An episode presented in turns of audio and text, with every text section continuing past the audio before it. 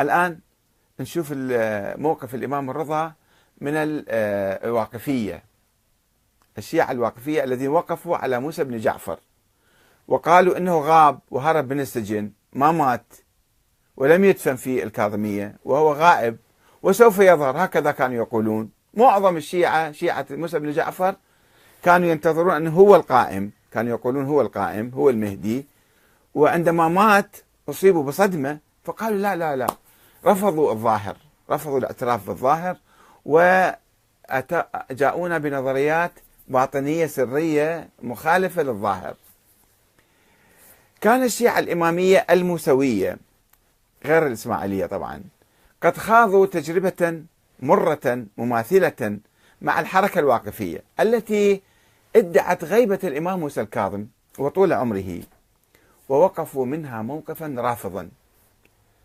وذلك لتناقض الغيبة مع فلسفة الإمامة. الإمام يعني يكون حاضر حي يقود الناس. كيف يكون الإمام غائب؟ الملائكة موجودين بس الملائكة ما يقودونه. إذا يقولون مثلا مثلا الخضر موجود. الخضر لسنا مكلفين أو النبي عيسى عليه السلام. نحن لسنا مكلفين بالتفاعل معه وهو لا يقودنا. بس لما نقول إمام إمام يعني حاكم.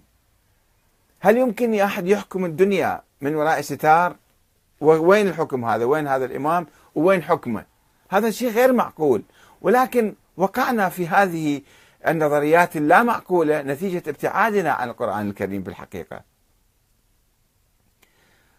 واستحالة طول عمر الإمام حيث قال لهم الإمام علي بن موسى الرضا شوفوا الإمام كيف منطق يعني منطق معقول يتكلم. قال لهم سبحان الله هذول الواقفية الذين قالوا موسى بن جعفر لم يموت وأنه باقي حي إلى أن يظهر. قال لهم سبحان الله يموت رسول الله ولا يموت موسى يعني أبويا قد والله مضى كما مضى رسول الله. النبي عمره 63 سنة وتوفى وراح. وأبويا نفس الشيء توفى وراح. مضى مضى أبي كما مضى رسول الله. واتهم الواقفية الذين زعموا أن أباه لم يمت بالكذب والكفر بما أنزل الله عز وجل على محمد. قال أنتم كفرتوا على على المبادئ اللي جابها النبي محمد صلى الله عليه وسلم. وقال اسمعوا هذا الحديث. جدا مهم ولكنه نعرض عن ثقافة أهل البيت وندعي نحن شيعة أهل البيت. قال لو كان الله يمد في أجل أحد من بني آدم لحاجة الخلق إليه لمد الله في أجل رسول الله. صلى الله عليه وسلم. لو كان الله يمد في أجل أحد من بني آدم لحاجة الخلق إليه كان الله طول عمر رسول الله كم سنة بعد؟ ونشر الإسلام في كل الدنيا. لماذا الله يموت النبي في هذا العمر ويجي يخلي أبوي عمره طويل؟ وبعدين ذيك الأيام زمن الرضا عمر الإمام مسلم جعفر يعني أكثر من المعتاد بقليل يعني ما كان متجاوز المئة سنة.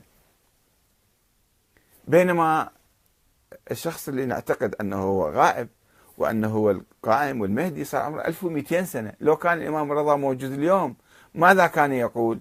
يمكن كان يضرب على رأسه من هال من الأساطير اللي نؤمن بها إحنا. وننسبها إلى أهل البيت.